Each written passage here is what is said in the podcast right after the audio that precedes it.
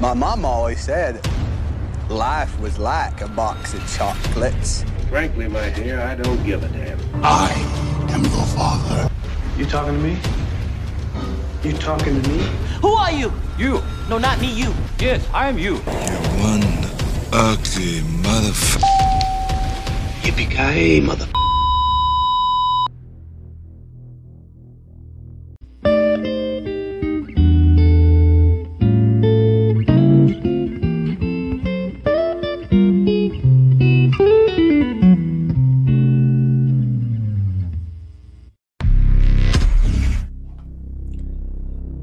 Hey, hey.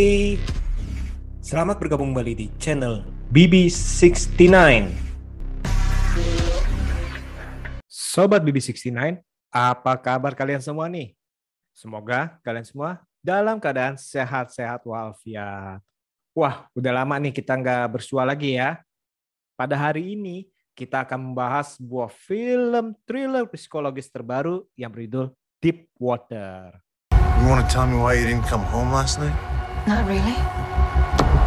This isn't a game, Melinda. It's always been a game. Film ini sendiri berkisah mengenai sepasang suami istri yang bernama Vic yang diperankan oleh Ben Affleck dan sang istri Melinda yang diperankan oleh Ana de Armas. The truth is, if you were married to anyone else, you'd be so bored.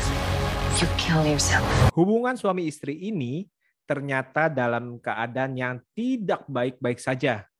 Karena diceritakan bahwa mereka itu tidur terpisah, bahkan ya, bahkan mereka itu membuat kesepakatan bahwa sang istri boleh berhubungan dengan lelaki lain.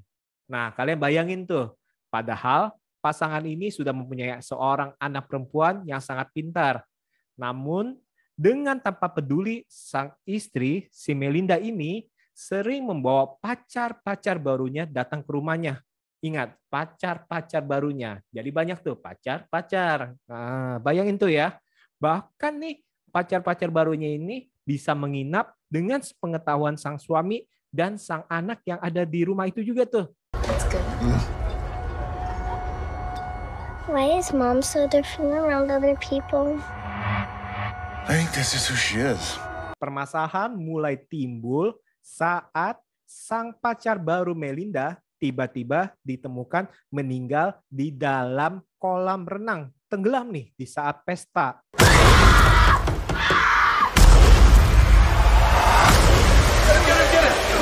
Kecurigaan semua mengarah kepada si Fix sang suami. Hal ini sebenarnya bukan tanpa alasan. Karena pacar Melinda sebelumnya yang bernama si Malcolm itu juga hilang tanpa jejak dan Vic ya, ini Vic loh. Vic sendiri sering menyebutkan bahwa dia sendiri membunuh pria tersebut. Walaupun pada awalnya seolah-olah bercandaan ya, bercandaan antara teman-temannya nih. Waktu teman-temannya kalau didengar kayak gitu, teman-temannya kan dengar ha hihi gitu doang. Nah, namun nih eh, saat setelah misteri kematian daripada pacar yang di dalam dalam kolam renang ini, semua teman-temannya seolah-olah itu mengerucut mencurigai si Vic nih bahwa si Vic ini beneran ngebunuh si Malcolm dan juga dia yang membunuh si Charlie yang tenggelam di kolam itu. Bukan hanya teman-temannya aja, terutama si Melinda nih. Melinda sang istri justru menuduh eh, serta merta menuduh si Vic itu di depan polisi bahwa eh, si Vic yang membunuhnya. Terus selain itu juga si Melinda itu juga mempunyai teman yang namanya Don, ini seorang novelis nih, istilah novelis tua nih yang benar-benar mendukung mendukung istilah teori daripada Melinda yang menyatakan bahwa Vic yang membunuh nih. Kira-kira nih, apakah benar Vic yang melakukan semua pembunuhan itu atau hanya tuduhan tidak beralasan? Film Deepwater ini diangkat dari novel dengan judul yang sama yang ditulis oleh Patricia Highsmith dan dirilis pada tahun 1957. Ingat tuh, 1957, jadi udah lama ya. Nah, novelis yang terkenal dengan genre thriller psikologis ini ternyata sudah menerbitkan puluhan novel loh seumur hidupnya. Dan bahkan beberapa sudah diangkat ke dalam media film nih. Yang kemungkinan besar kalian pasti udah nonton nih. Kalau bagi penyuka film thriller uh, psikologis. Yang pertama ada Strangers on the Train, Terus ada Talented Mr. Ripley yang dimainkan oleh si apa Matt Damon, tahun baiknya Ben Affleck. Dan yang terakhir itu ada The Price of Salt yang diangkat ke dalam film itu dengan judul Carol. Nah, film ini sendiri disutradarai oleh Adrian Lane, seorang sutradara yang dikenal dengan film-film seperti Fatal Attraction, Nine and a Half Weeks, Indecent Proposal, Unfaithful, Jacob Raiders, dan lain-lainnya. Proyek dari Dada Deepwater ini konon sebenarnya sudah ingin diangkat sejak tahun 2012. Ya, namun sepertinya sih karena perihal finansial maka ditunda-tunda-tunda sampai akhirnya tahun 2019 ada titik cerah karena diambil oleh studio lain dan akhirnya mungkin si Adrian itu ditelepon lagi. Kring, halo Adrian, yuk kita buat film nih yang kemarin batal nih. Wah mungkin Adrian, oke okay, oke okay, oke, okay, let's go let's go. akhirnya memang kalau kalau jodoh ya pasti balik-balik lagi ke tangan orang itu ya. Film ini juga ternyata ini merupakan ajang kembalinya sang sutradara nih, Adrian Lane. Karena uh, film terakhirnya itu Unfaithful itu dirilis tahun 2002, yang kurang lebih 20 tahun yang lalu ya. Tentunya ini para fans uh, beliau menunggu-nunggu film terbarunya ini. Oke, uh, kita masuk ke segi cerita. Segi cerita menurut saya ini sangat menjanjikan karena kita diajak untuk masuk melihat ke dalam hubungan toksik antara suami istri ini bayangin aja nih, ini ada sebuah hubungan di mana yang tidak uh, yang di mana yang sangat dingin, tapi mereka tidak mau bercerai. Namun mereka mempunyai kesepakatan bisa membawa pacar barunya si istri ke rumah, bahkan melakukan hal-hal yang sangat bebas. Nah, itu bayangin aja tuh, itu gimana tuh ya perasaan dari sang suami, gimana perasaan dari ada anak-anaknya. Di sini digambarkan anak-anaknya juga ngelihatnya seperti gimana gitu. Nah, namun sayangnya sih bagi saya nih, sayangnya sebenarnya itu tidak diberitahukan sebenarnya ini asal muasal ini kenapa bisa terjadi seperti itu? Kenapa hubungannya bisa dingin? Kenapa bisa terjadi kesepakatan seperti itu? Apakah karena suami itu uh, merupakan orang yang dingin, emang tidak perhatian, tidak romantis? So bored. You kill yourself. Tapi kan sebenarnya itu pasti ada penyebabnya nih. Apakah suami itu tidak menghargai daripada sang istri? Apakah sang istri yang merasa tidak dihargai oleh sang suami? Atau mungkin karena sudah bosan? Atau mungkin percikan cintanya sudah hilang? Atau bahasa cintanya itu mereka berbeda? Karena kalau dilihat-lihat ini sepertinya agak agak-agak masih bingung nih kalau saya pribadi ya. Kenapa nih asal muasalnya nih? Berikutnya juga kita juga bingung juga nih kenapa nih si Melinda ini sepertinya kok agak-agak tanda kutip liar nih Apakah karena dia ini belum siap berkeluarga, belum siap mempunyai anak, atau gimana?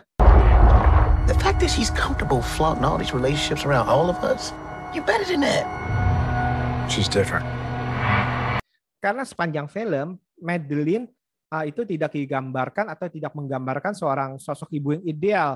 Malah seperti seorang istri yang tak bisa dibilang itu kegatalan ya, mencari lelaki demi lelaki lain demi kesenangan dirinya, demi memuaskan dirinya nih. Saya nggak ngerti nih kenapa nih. Benar-benar nggak ngerti kenapa si Madeline itu seolah-olah itu dengan mudah gonta-ganti pasangan dan tidak peduli dengan perasaan sang suami ataupun sang anak. Di sini gambarkan itu si Madeline itu sangat terganggu dengan sang anak yang nyetel lagu, lagu anak-anak segala macam, tingkah laku anak-anaknya Madeline itu sangat sangat sebel. Berbeda dengan Vic. Vic itu bisa seorang bapak yang kebapaan. Tapi kan kita nggak tahu nih sebenarnya ini apa yang terjadi sebenarnya. Yang tadi saya bilang itu si Vic itu digambarkan sebagai ayah yang sangat baik dan sangat dekat dengan istrinya, eh putrinya, maaf, dengan putrinya. Namun ya tadi itu seolah-olah ini dia kok eh, dengan istrinya dengan si Madeline itu kok kayak kaku, dingin. Nah ini kita nggak nggak ngerti nih kenapa nih? Apa yang menyebabkan pertama-tamanya kenapa nih? Karena misalkan kalau dari awal mereka belum menikah itu seperti itu, ya Madeline pasti kan nggak bakal menikah.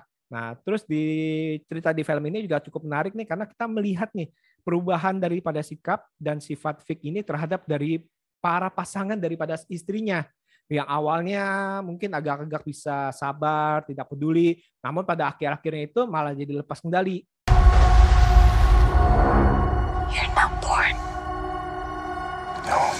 Hubungan toksik ini memang benar-benar terjadi nih di pasangan ini. Benar-benar benar-benar kacau lah. Tapi anehnya ya, anehnya nih, saya juga agak bingung nih. Semakin kacau kejadiannya, sepertinya membuat pasangan ini semakin erat nih.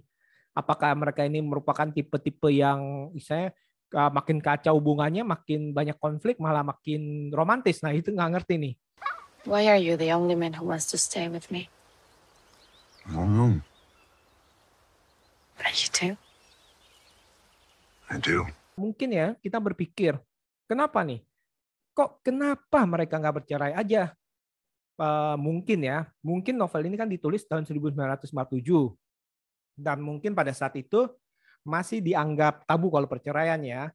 Nah, tapi ya tadi itu kalau diterapkan di tahun 2022 seolah-olah ini kayaknya agak-agak terasa aneh sih. Kenapa biasanya kan kalau di sini kan kalau kita bisa lihat di dunia nyata kalau memang permasalahannya udah benar-benar genting, mereka akhirnya dengan dengan istilahnya dengan leluasa mereka memutuskan untuk bercerai daripada mereka seperti ini nih.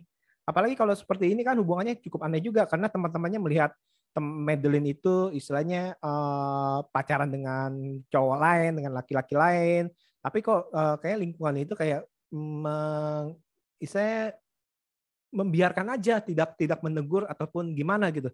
Bahkan paling-paling cuman yang kasihan kasihan dengan Vic cuman yang cuman yang biasa aja kasihan lah kasihan atau istilahnya kayak seolah-olah malah malah hal itu hal yang lumrah. Nah ini juga agak aneh nih. Uh, kalau di satu sisi kalau kita berpikir bahwa nggak bercerai karena ini dibuat tahun 1957, di satu sisi juga ya kenapa ini dibiarkan nih seperti itu sih. Ini sih yang malah agak-agak aneh sih menurut saya sih. The fact that she's comfortable flaunting all these relationships around all of us, you better than that. She's different. That's what I like about her. Ini juga nama apa uh, menggambarkan tadi itu tarik menarik antara uh, hubungan satu dengan lain yang di mana mereka itu saling menyakiti secara psikis nih. Ini wah ini benar-benar parah lah pokoknya ini kalau punya hubungan seperti ini nih benar-benar hubungan seperti ini nih benar-benar toksik atau benar-benar bisa meracuni satu dengan yang lain nih. You love me. Of course. Terus hal yang menarik lainnya, kita akan dibawa nih. Misalnya, uh, apakah sebenarnya itu Vic yang membunuh semua orang yang dituduhkan kepada dirinya nih? Atau hanya imajinasi beraka? Karena di ada di adegan-adegan filmnya itu, si Vic itu membayangkan, dia itu misalnya membayangkan istrinya lagi selingkuh dengan uh, pacar-pacarnya, membayangkan dia menyakiti pacar-pacarnya istrinya. Nah itu kita nggak tahu nih apakah itu hanya membayangkan atau itu ingatan dia nih yang terjadi benar-benar nih. Oke, kalau dari overall ya, overall menurut saya ini uh, pengeksekusiannya ini uh, walaupun saya menarik, uh, sayangnya ini ketegangannya ini uh, masih agak kurang, kurang menuju klimaks sih seperti itu sih. Uh, dan istilahnya uh, sisi dari Ben Affleck atau Ana de Armas ini kurang istilahnya kurang dipakai istilahnya. Ini sayang sih, benar-benar sayang sih. Walaupun uh, saya sangat menikmati film ini. Oh ya, konon, konon nih endingnya di film dan di novel ini berbeda. Jadi kalian nih mungkin kalau yang penyuka suka baca novel atau istilahnya penasaran apa sih yang terjadi di novelnya, mungkin bisa baca dan kalian komen di bawah nih uh, apakah sama apa enggak. Oke deh, saya rasa sekian dulu untuk uh, review pada hari ini. Jangan lupa untuk subscribe, tekan tombol notifikasi, dan juga kalian share. Terima kasih ya untuk semuanya untuk mendengarkan pada hari ini dan see you.